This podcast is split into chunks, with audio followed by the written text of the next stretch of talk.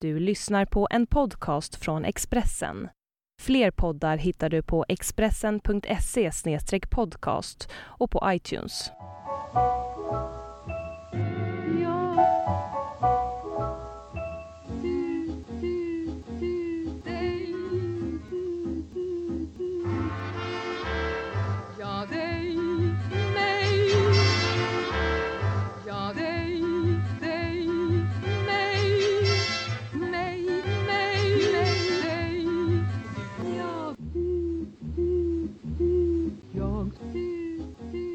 Ligga med Brodrej. Välkommen hit till min podcast Lindy Larsson. Åh, tack så mycket. Hur känns det? Ligger du bra? Alltså jag ligger så otroligt bra. Eh, Jag känner, min första känsla är att jag måste köpa ny säng. För det här var otroligt skönt. Ja. Jag har en väldigt hård och trång säng hemma. ja. Vi ska berätta lite grann vem du är. Du, har ju, du är ju en sån person som liksom har flimrat förbi i olika underground-sammanhang. Du har gjort saker tillsammans med Charlotte Engelkes till Mm. exempel. Eh, när Barnens underjordiska scen demonstrerade utanför Stockholms stadshus så dök du upp som Ja, en väpnare och sådär. Men på sista tiden har du också liksom, du har flyttat upp en nivå, eller hur man ska säga, eller, eller kavlat ut dig eller vad man ska ja, säga. För du har, du dök upp i den tredje Änglagård som Ja. prästen. Och eh, inte länge sedan så såg jag dig på tv i det här eh, kulturintervjuprogrammet som heter Sverige. ja, just det. Så nu är du en del av någonting större. Ah, gud, är jag det? Ja. Ja, du, du, jag menar, dyker man upp i Sverige, då har man väl nästan blivit folklig på, i, i, på en ku- kulturnivå folklig i alla fall. Åh, herregud. Hur, hur blev jag det då? Ja, hur blev det det? Och ja, med det här måste vi också säga eh, Evita, måste nämna Evita på Malmöoperan Ja, det var ju häftigt. tillsammans med Charlotte Perrelli. Ja, Eh, min gamla skolkamrat.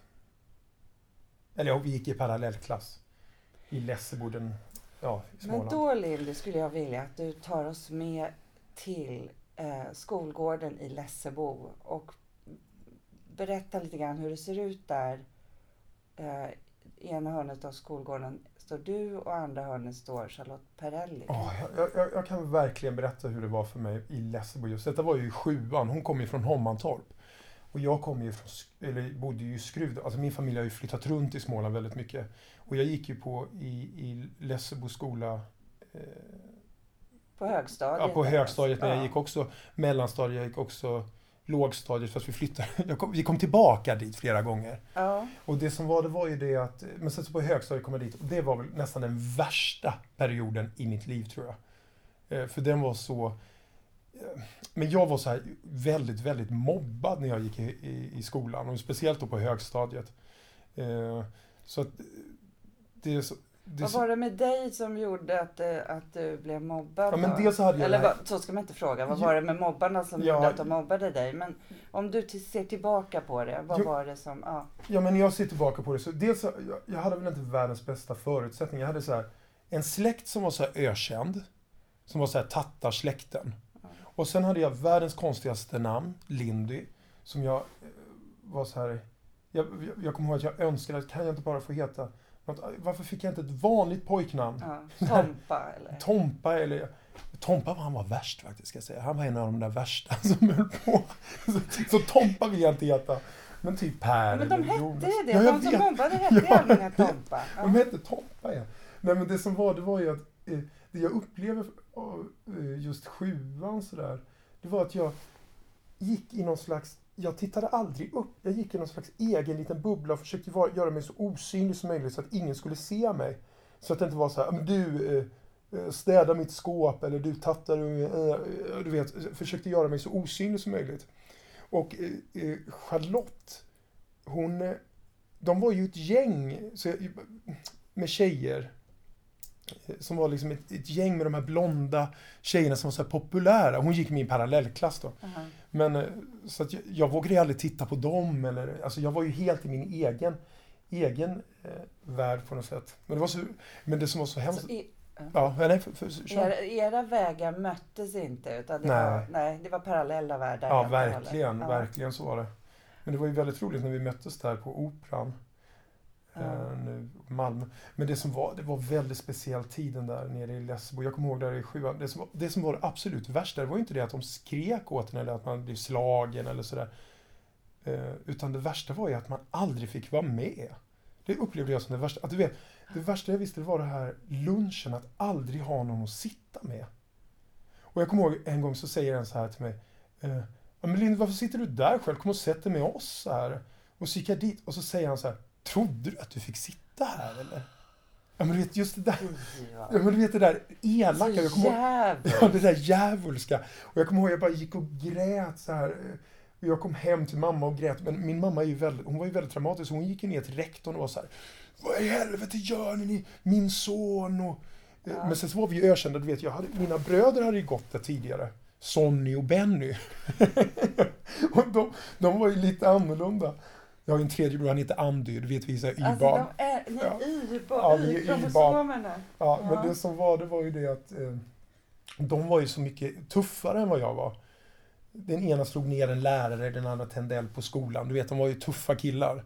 Okej. Och sen kom jag som var så här, så här jättesnäll, vek och lite så här jätteosäker. Så jag kände ju att även lärarna var ju på en.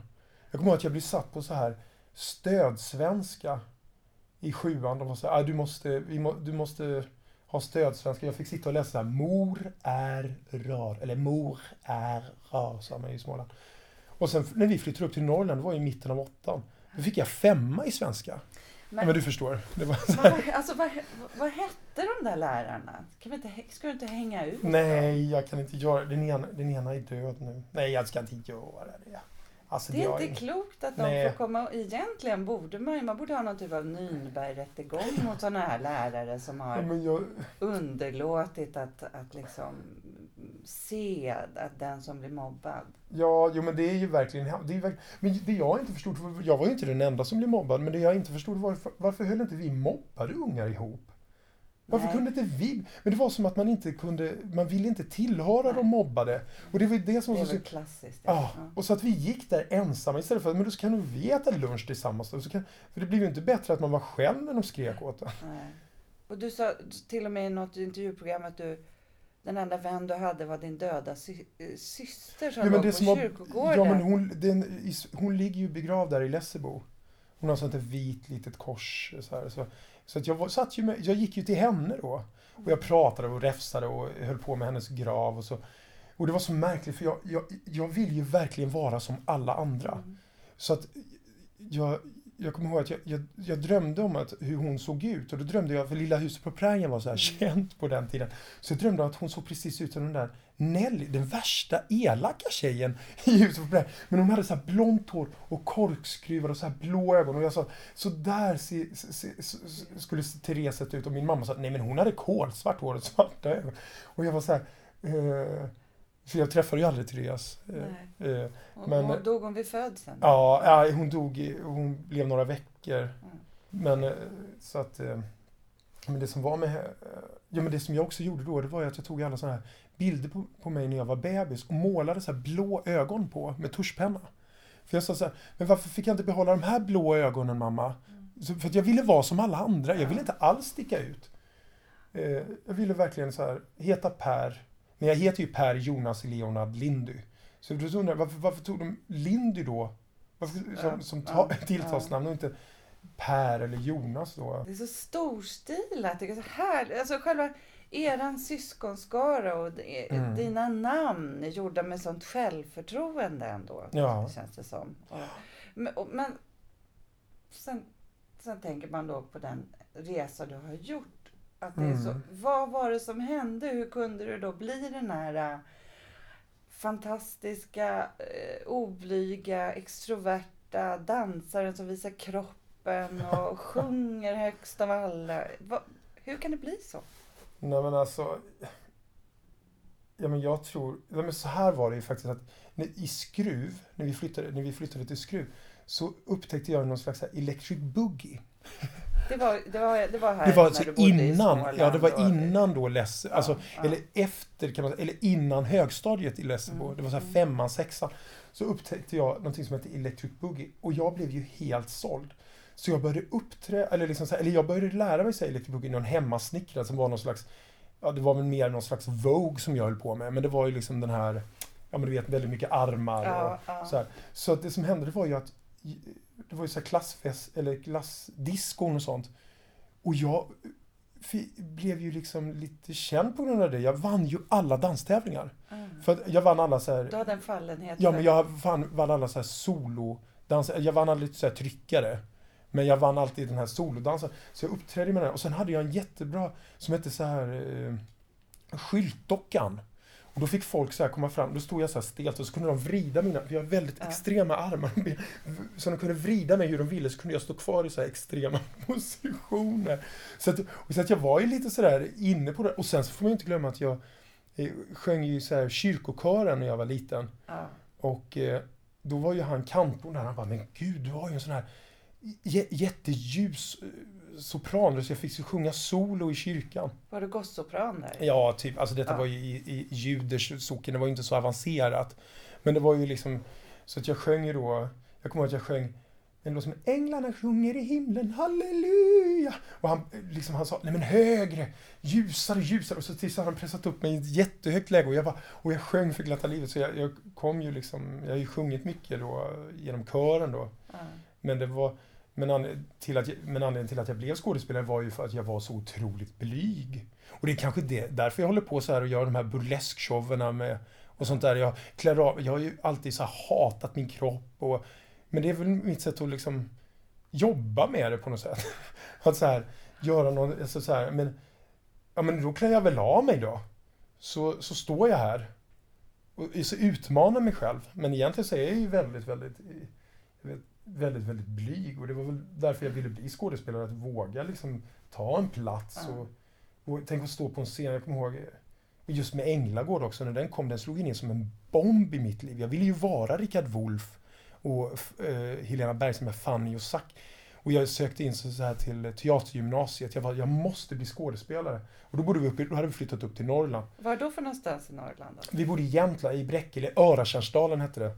Och det som var så roligt var ju det att vi flyttade upp där i åttan. Det var, ju, alltså det var min abs, absolut, absolut värsta tid i livet. Jag var så otro, jag tror, jag, jag skulle ha tagit livet av mig. Jag vet, hade vi fortsatt bo i Småland så skulle jag ha dött. Du skulle det? Ja, det skulle, jag skulle inte ha klarat, jag skulle inte ha klarat. Det räckte inte med den där eh, sången i kyrkan? Nej, nej för då hade ju hade det slutat. När vi Jaha, flyttade till Lessebo så Då hade det upphört? Ja, då upphörde det. Eller det, då var inte jag med i kyrkogården. Det var i och för sig bara en mil därifrån. Men det var ju liksom, då tillhörde man Lessebo. Ja men du vet, det var något så här annat. Och då var det bara kvar att bli hunsad i skolan? Ja men det var det. Och då så liksom. flyttade vi upp. Ja. För min brorsa, han, han, han hade ju också väldigt problem i skolan då. Så att han började ju knarka. Mhm. Sonny. Så att då flyttade mamma upp för de var så att vi måste rädda honom.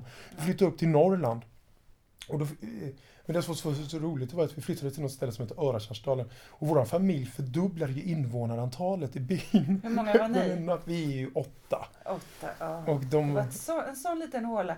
Hon, hon gjorde det där som många knarkarmammor pratar Ja. om. Att jag ska flytta upp på ett högt berg så Ja. att min son inte, eller mitt barn inte får tag på drogerna. Ja men så var det Hur verkligen. gick det då? Jo men det som var, det var ju det att vi hade ju ett stort hus men det kunde man inte bo i för att det var ju tvungen att renoveras då. Så pappa byggde ju på det. Så vi bodde ju i, ett, i lillstugan hette det, ett rum och kök utan vatten, åtta personer, du vet fem hundar, en undulat, sex katter. Ja men det var liksom, och utan och du vet jag hamnade i puberteten.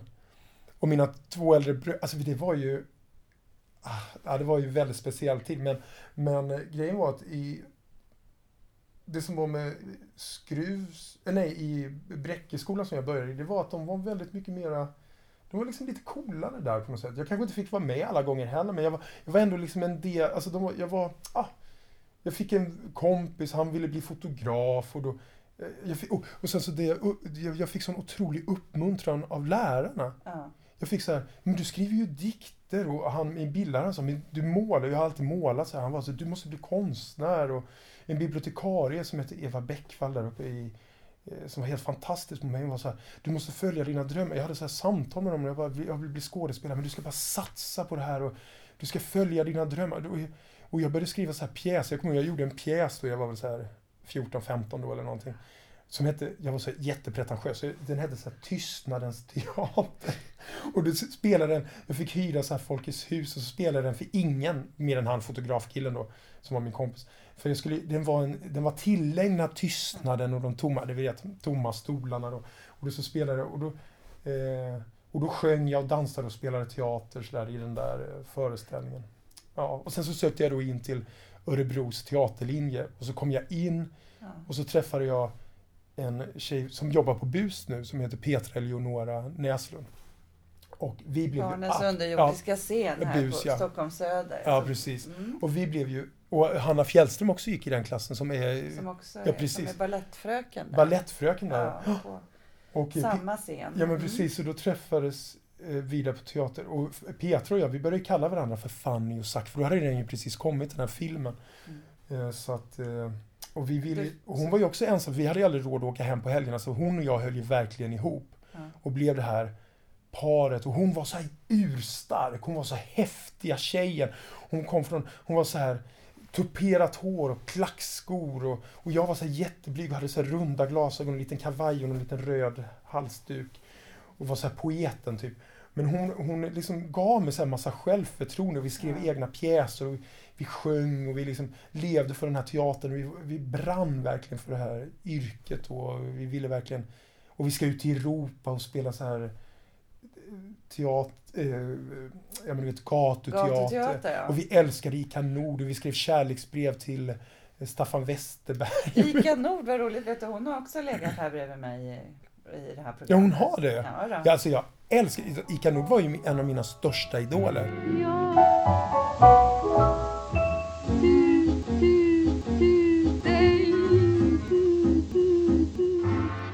Men sen så efter, efter den, eh, eh, efter jag gick teatergymnasiet så ville jag ju bli dansare. Och då sökte jag in till så här Härnösands danslinje på en folkhögskola så lyckades jag ta mig in där. Mm. Och så gick jag, eh, för då var jag helt inne, "Ja, jag ska bli dansare, jag ville dansa. Ville, Du, du ville ta den där Electric Boogien på allvar. ja, jag ville ta, precis. Och, då så gjorde jag, och jag var så katastrofalt dålig, jag, hur gammal är man då? 18, 19, 18 någonting sånt där. Mm. Och jag var så dålig dansare, men, men jag kämpade. Jag, jag skulle bli bra. Och eh, så kämpade jag verkligen för att eh, de här jazz och ballett och allting. Men, så jag fick till det där på något sätt. Eh, jag blev helt okej faktiskt. Och så sökte jag in då till Balettakademin för jag tänkte, nej men jag vill ju sjunga, dansa och, Ja. och spela teater. Så sökte jag in till Balettakademin i Göteborg för jag tänkte att musikal måste ju vara min grej då. Ja. Eh, vilket var helt fel. Det var totalt, totalt fel. Det var ju inte fel, men det kanske var fel på utbildningen. Ja, det var nog det. Jag, för det var ju, jag, jag sökte dit och jag kastade ju mig ut. Och jag hade då skaffat en ganska så extrem stil. Jag gick i små shorts och så här. Jag hade allt krucifix och toperade håret. Vet, jag hade Ja. blivit Hade du inspirerad. kommit ut då liksom? Eller Ja, jag hade haft min första kille, träffade jag Ja. på Härnösand. Han var så här flöjtist. Han, han gick och spelade tvärflöjt på Kappelbergs folkhögskola, ja, där folkhögskola. Jag gick så här danslinjen på den skolan då. Ja. Och då så träffades vi och, ja. och då, ja. Du hade hittat dig själv Jag hade hittat mig själv ja. lite grann. Men sen kom jag in till Balettakademin och jag trodde att det var min grej. Men det var det ju verkligen inte. Det var ju verkligen inte min grej. För det var ju en lärare, jag, ja, det, jag, Ja. den här rektorn då efter jag hade gjort min audition som tog, ville ha ett extra möte med mig. Då, så jag åkte tillbaka där efter en vecka. Så sa han, vi vill jättegärna ta in dig men vi tar ju bara in prinsar. Och, och du beter dig inte som en prins alltså.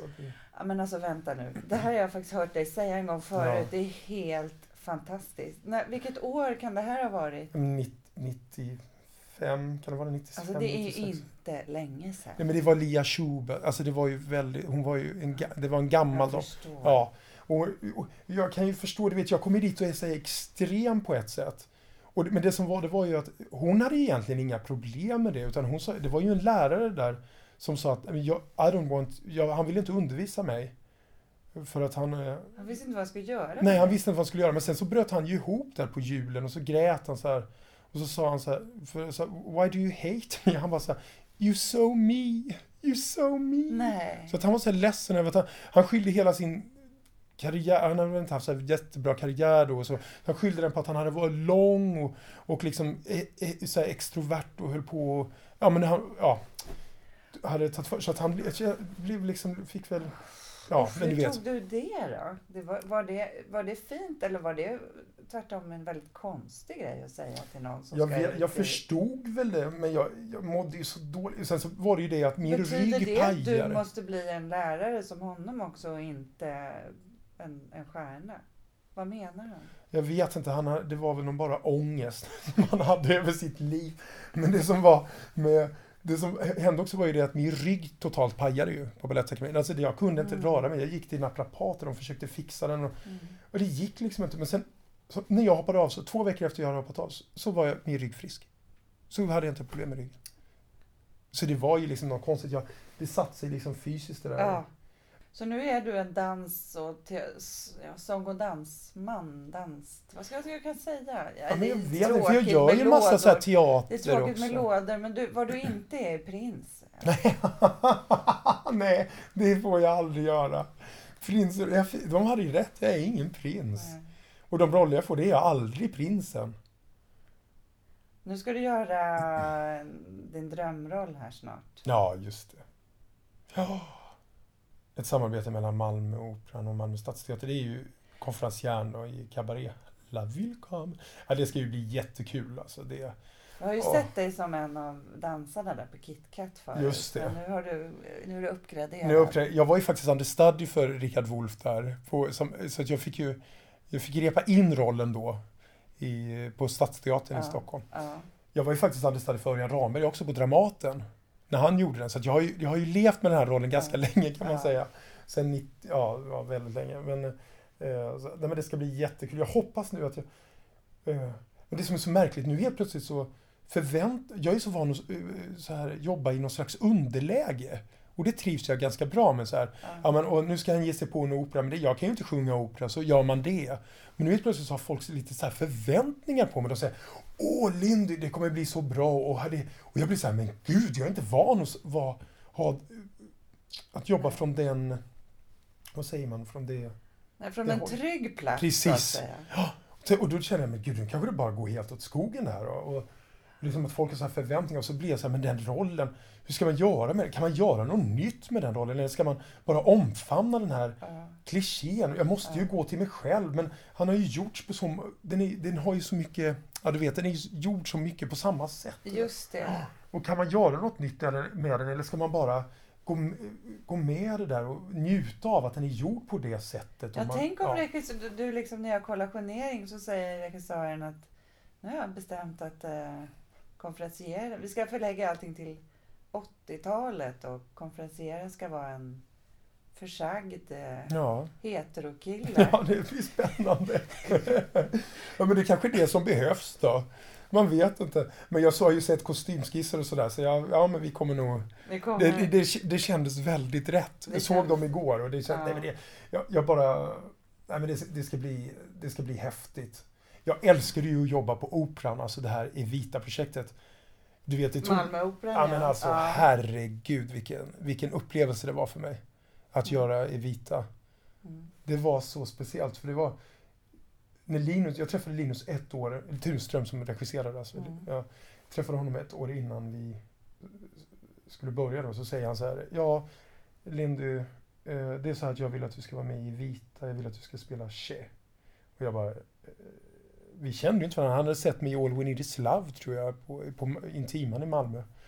Och, så, eh, och jag, min första tanke var aldrig i livet, jag kommer aldrig ta det här jobbet. Alltså Nej. aldrig någonsin. Och jag bara, ja men vad kul, så, ja men det ska jag verkligen tänka på, vad roligt. Och, och sen gick jag hem bara, det där kommer aldrig gå, det är musikal så stort, den jättescenen, den pressen, den rollen är så enorm. Och, nej. Och, och så ringde de från Operan och så sa de så här, ja vi vill ju såklart, ja Linus har sagt att han vill ha med dig, men du måste ju sjunga upp också. Och så ses hur du kommer klara av det här. Och jag bara, ja ja visst. Och så tänkte jag, ja men du, nu kommer det ju, ja, det kommer lösa sig av sig själv. Så gick jag dit och sjöng upp. Och så säger de, ja du får rollen. Och jag bara, åh. Så då tänkte jag, men då måste jag förhala den här, förhala den här innan jag tackade ja. Så jag, jag, det tog tre månader innan jag tackade ja, för jag var tvungen att lära mig allt material. Innan. Innan du visste. Ja, innan jag visste att jag faktiskt skulle kl- kunna klara av det. Så jag lärde mig hela eh, musikalen. eh, rollen sådär. Och sen så innan jag tackade ja så ringde jag operans, eh, Malmöoperan och sa kan jag få komma ut, eh, kan jag få gå upp på scen, ställa mig på scen bara, eh, där fem minuter och få bara titta ut i salongen och bara få se hur det känns. Ja. Och så gick jag dit och ställde mig så bara för att se om mitt, kommer mitt psyke klara av det här? Alltså Ja. kommer jag klara den här pressen? Jag har ju haft så mycket nojor och sådär. Jag står på scen. Och så gick jag dit och ställde mig och så bara kände nej men nu, nu gör jag ett försök här. Alltså jag, jag kastar mig ut. Och sen så, det jag gjorde då, det var att jag bestämde mig för att inte öppna dörren till något tvivel. När jag gick in till, eh, i det projektet. Jag var så här, "Nej, men nu ska inte jag tvivla på mig själv i det här projektet. Jag ska kasta mig ut totalt. Mm. Och så ska jag bara, det jag ska fokusera på, inte att, mina nojor, utan jag ska fokusera på min roll och sen försöka njuta av att få sjunga med en hel orkester, en hel kör, fantastisk ensemble, en fantastisk roll, en jättesalong fullsatt. Att försöka njuta av det istället för att... eh, Och jag upplevde att jag faktiskt kunde göra det på ett sätt. Jag älskar att göra det jobbet. Jag kände också att jag hade så otroligt roligt med den rollen och med Charlotte. Det var jätte, jättekul. Hon, hon satsade så mycket så att det var jättekul att spela mot henne. För egentligen så är det ju bara hon och jag som bråkar i hela Ja. musikalen igenom. Ja. Men hon gav så mycket så att vi hade så här väldigt, väldigt... Jag hade väldigt, väldigt roligt och jag är väldigt glad att jag gjorde det. Pratade ni någonting om Lessebo-tiden då? När ni... Ja, det gjorde vi. Det är ju en väldigt tragisk historia det där. För, för det som hände var precis när jag flyttade upp till Norrland så... Eh, det var precis där runt Lucia. Och då skulle hon vara Lucia. Jag minns det för det stod i tidningarna. Då åkte hon i en bil och sen åkte några andra i någon annan bil och eh, så här, tärnorna och de dog. De blev... Eh, de krockade. Tärnorna? Ja, så att det var ju en hel, det var ju så här fyra flickor tror jag som dog i eh, hennes klass. Eh, Och hon satt i, hon satt i den andra ja, hon satt i en annan bil och vi pratade om det och det var ju väl, jag tror det var så, så att, men jag kommer ihåg det. Så jag kommer ihåg att jag skrev ett brev till skolan, till Lessebo skola då, för att jag tyckte det var så otroligt, otroligt hemskt det som Ja. hade hänt. Ja. Så jag skrev, alltså, ja, med, där man var då 14 år, 13-14 år. Då skrev jag om eh, hur hemskt jag tyckte, och jag beklagade all sorg och allting. Och just att de hade varit så här, de här ljusbleka luciorna, eller liksom tärnorna Ja. som dog. Och det var väldigt, så vi pratade om det, Charlotte och jag, hur, att det var ju väldigt eh, speciellt. ja, det var något hon, hon eh, bar med sig. Ja, det- verkligen. Men det var, jag gillade verkligen att, att jobba med Charlotte. Jag tyckte det var väldigt, väldigt kul. Och det, det var ju så speciellt att jobba med en sån stjärna på ett sätt. För teatern har, alltså det, klart, det finns ju jättestora stjärnor inom teatern, men det är aldrig sånt fokus på, du vet man är med, Mm. man jobbar så här med Lena Bergström och Rickard Wåhl. I och för sig när jag gjorde Änglagård kunde jag känna att det var så här samma fokus. Alltså var så här, men när jag jobbade med Charlotte så var det så här, det var så otroligt fokus på liksom hennes person mer än vad hon gjorde. Mm. Men hon, hon kunde ta det så lätt. Liksom, hon tog det så lätt och hon var så professionell i det där. Hon hade, hon hade väl lärt sig helt enkelt. Mm. Så det var väldigt eh, spännande att få vara vid sidan av. På något sätt.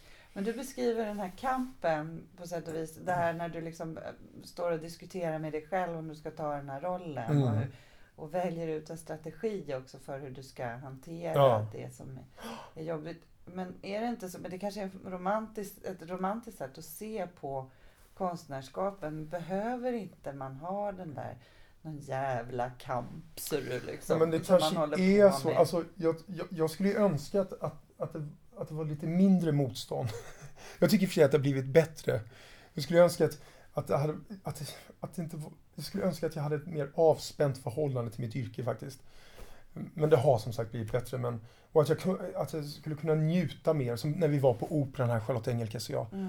Men jag, jag njöt när jag var på scen, men innan du vet, alltså jag, alltså jag skakade av rädsla i logen. Och då var jag så glad över att jag skulle göra Sigfrid, just för han har ju inga rädslor. Så jag var så här, Sigfrid har inga rädslor, jag ska gå ut.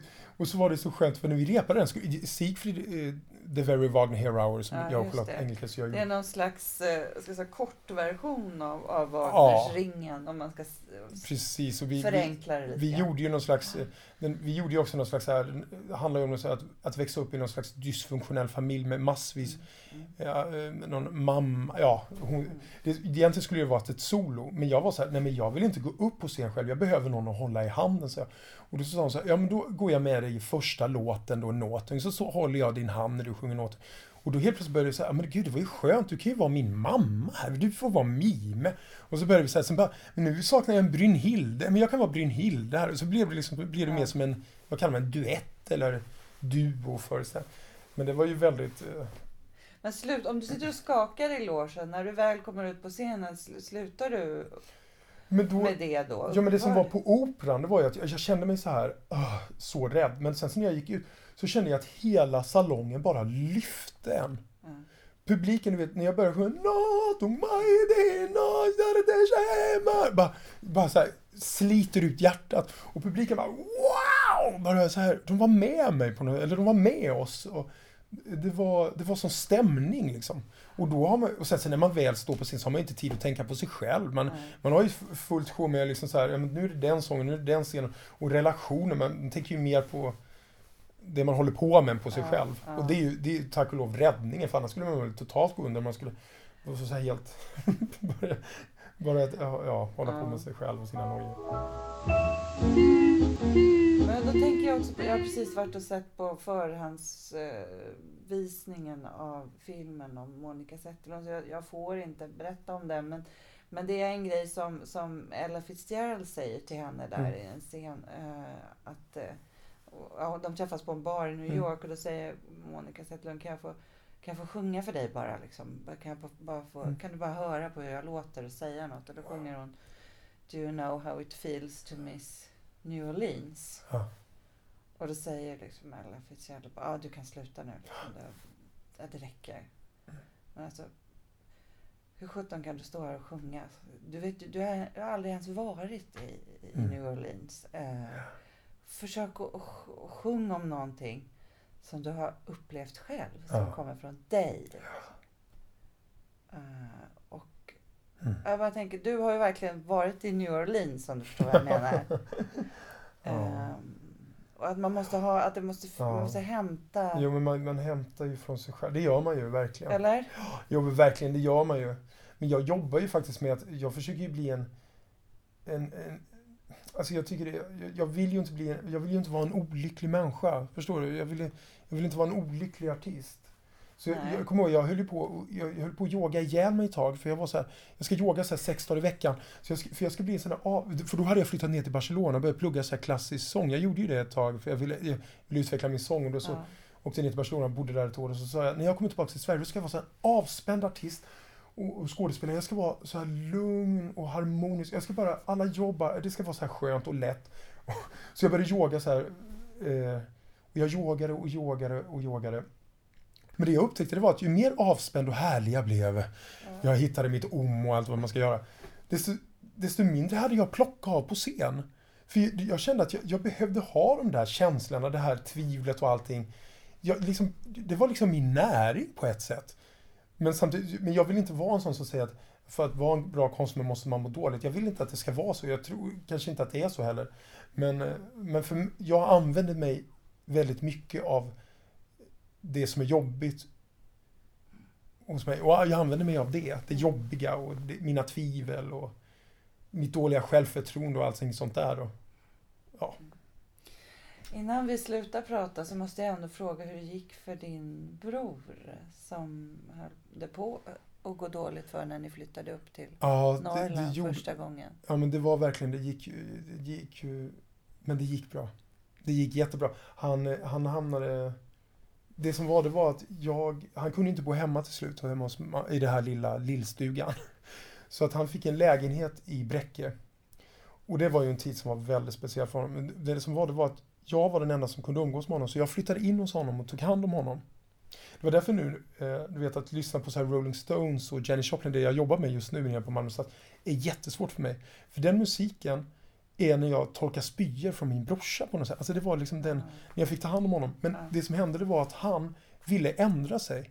Han ville liksom, nej men jag vill inte ha ett sånt här liv.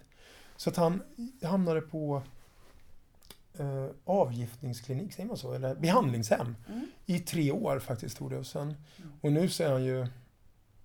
Eh, alltså nu är han ju helt drogfri och allting sånt där. Men det, var- det var så fint för han var nere på premiären på den här 27 som handlar om de här som var alla hans idoler, idoler Brian Jones och de som dog av när de var 27 då. Är det någon slags rockhistoria? Ja, rockkonsert är det nästan. Ja, en ja. teaterkonsert. Mm. Med alla, jag spelar ju döden då och så tar ihjäl alla de här stackars rockstjärnorna En efter en. en efter en. Ja. Och det som är det var att han kom ner och titt, såg premiären och han var Alltså min brorsa, han bara grät. Han bara grät. Han var, det var ju hans musik Mm. och han, på ett sätt hans historia. Och han var så här bara Åh, det här är Lindy, mitt liv, min musik. Ah, nej, det var, det, var, det var så häftigt liksom. Och, ja, nej, men Sonny mår bra nu och har familj. Jätteskönt. Mm. Apropå era namn då. då. Jo men det, vi, alltså, ja, men vi började ju Ja. prata om Ann, eller Sonny, Benny, Andy och Lindy. Ja. Och så frågade du vad mina föräldrar hette. Och då Ja, så heter de ju Sven-Erik och Kristin. Men, de, så, men min, mina föräldrar de kände ju att nej men vi vill ha så här eh, adliga namn. Vi vill, va, alltså det är jätteroligt för de vill liksom komma. De, de säger nej men det ska inte bara Nej. det, det ska inte bara vara för de adliga, men vi ska också ha Så de döpte om sig till, min pappa döpte om sig från Sven-Erik till Oscar Lorenz. Och min mamma eh, döpte om sig till Virginia. Och Silvergrimma att de var så, också. Att de var så överens om det här. De, de Ja. var väldigt syskonsjälar. De, Ja, men de verkligen. tyckte lika om saker och ting. De är verkligen, det är de mot världen ska jag säga. Och det är väldigt, men det som är roligt med det... de är har- resande romer ska vi säga också. Ja, re, ja precis. Ja, Eller, det. min, min mamma är det. Din mamma är det? Ja, precis. Ja. Och det som är det är att min... eh, men nu heter de... Nu, nu tror jag de... Har de dött, eller har de tagit tillbaka sina... Det var ju så svårt för mig. Jag kallar dem mamma och pappa, men min kille han är så... Ska jag kalla din pappa för Oskar Lorentz nu? Från Svenne liksom, Ja, från Sven-Erik. Hej Oskar Lorentz. Det blev så konstigt. ja, det är svårt. Det blir svårt. Ja. Men, eh, men min pappa, han kom ju från en väldigt, eh, väldigt tuff barndom. Kom han ju från. Han, han, är, upp, han är uppväxt uppe i vad är det, Överkalix, uppe, långt upp i Norrland. Och hans pappa dog när han var åtta, ja, åtta eller nio år eller någonting. Eh, alltså min farfar. Och det, och det som hände var ju att min farmor kunde inte ta hand de hade ju så många barn. Och de hade ju så extremt fattigt, de kunde inte ta hand om alla de här Nej. barnen. Nej. Så min pappa hamnade ju på barnhem. Och blev utsatt för sådana här extrema övergrepp. Som de här, de, de, eh, som det var på den där tiden, var det 50, 50-tal i Sverige. Och eh, Ett jävla mörker. ett jävla mörker ja. Och det som är det är att jag har ju fått läsa hans journaler nu. Som han har bett om. För att få, och han, han mår ju så dåligt över det här pappa. När han läser om vad han blivit utsatt f- för och den här vanvården. Han berättar om, det, det, det står om en så här, eh, eh, vad heter det, ett badkar. Som de satt fast när de var 9-10 år eller någonting. Eh, eh, för, att hålla, för att han skulle hålla sig lugn. Eller det var väl så de gjorde. Kyla ner, Kyla ner. Ja, men då, ja, men då, liksom, då sa- vadå? satt man där en, en vecka, en och en halv. Och han berättade att Nej, man vänta fick kissa. och- satt? ja men då var man fastspänd. Ja, men, var ja men då hade man bara en ring runt huvudet så att huvudet stack upp. Och då så, pappa berättade kallt att... vatten? Ja, ja, men först är det ju varmt. Han sa att det är jättemysigt från början. Men sen Ja. blir det ju kallt. Efter en vecka är det ju kallt. Och han berättade att då läkarna kom in så här, eller de här eh, vårdarna, eller vad man ska säga, så kom in. Har, ja, har du lugnat ner dig nu Sven-Erik? Han, han berättade för mig att du så kallar han, men kom närmare för jag så torr, kom närmare sa han. Och så spottar han den här Ja. läkaren i ansiktet. Ja. Och så bara, jag sitter en vecka till liksom. Så han var så, min pappa var ju, är ju väldigt så här, tuff och han, han sa ju det att den största förnedringen var ju inte att man satt utan det var efteråt när, de, när man fick stå upphängd så här och de spolar av en. Du vet, alltså, du förstår.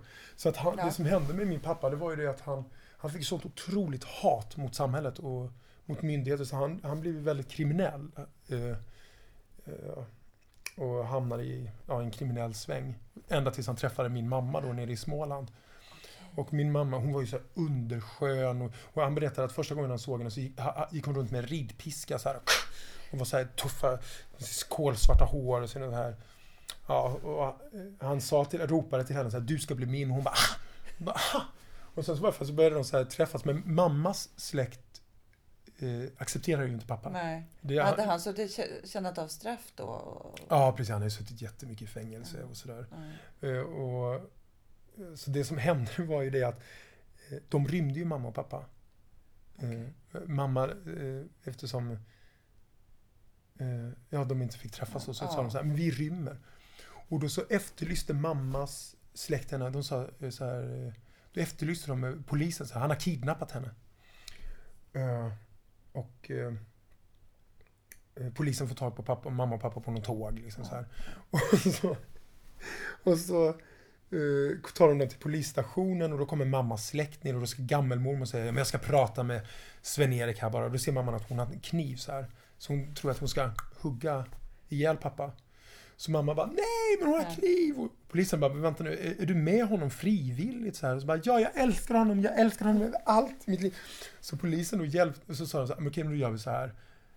Nu, nu gör vi så att vi, vi polisen, vi fick, Sven-Erik om du skärper dig nu och inte håller på med så, så fixar vi en lägenhet till er i Halmstad. Så flyttar ni dit och så liksom lever ni ett liv. Och ingen mer kriminalitet nu. Nej, vi ska älska varandra. Så- blev det ju. Så de flyttade ju dit och sen så fick de ju massa ungar. Vilken klok polis. Ja, men det var väl bra. Ja. Så det är ju deras, deras historia är ju väldigt speciell. Då. Ja, Sen flyttade vi tillbaka, sen så blev ju mamma, eh, mammas släkt blev såklart, eh, accepterade pappa till slut. Och så till slut Ja. ja. Lever de fortfarande? Eh, Dina Min- föräldrar? mina föräldrar lever. Ja, lever och, och lever Men- ihop. Ja, ja, ja, visst. Och du ska se min pappa, han har så häftig kropp. Du vet, han är, han är tatuerad över hela kroppen. Allting är blått. liksom så här.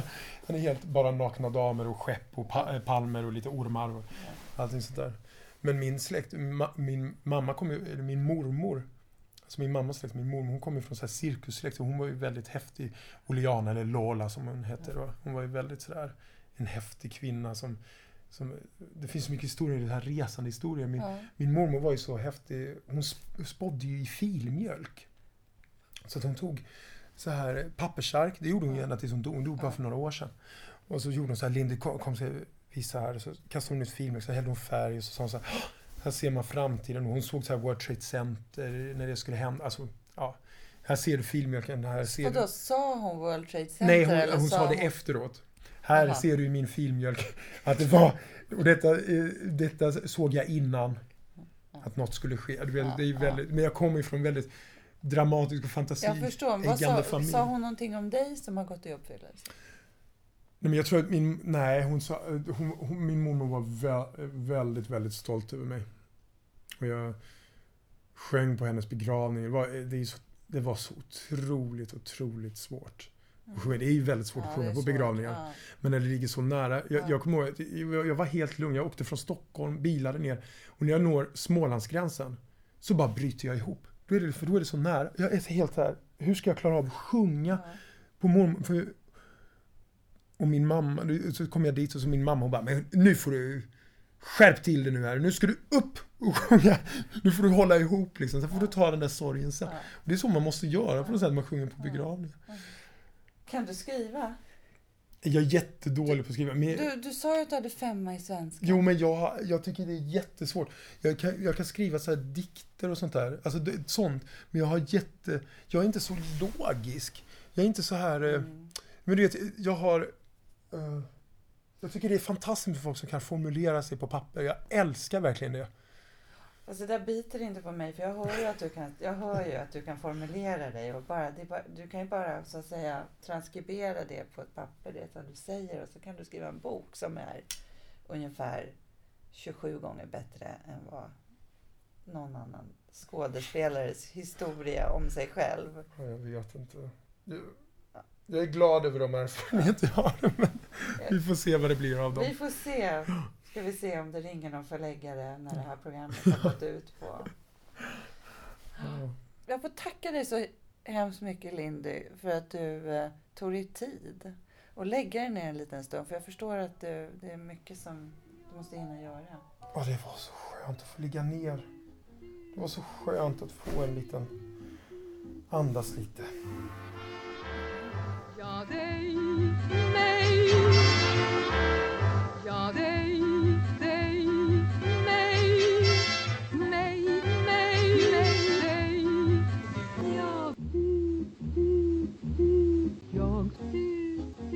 Ligga med Brodrej.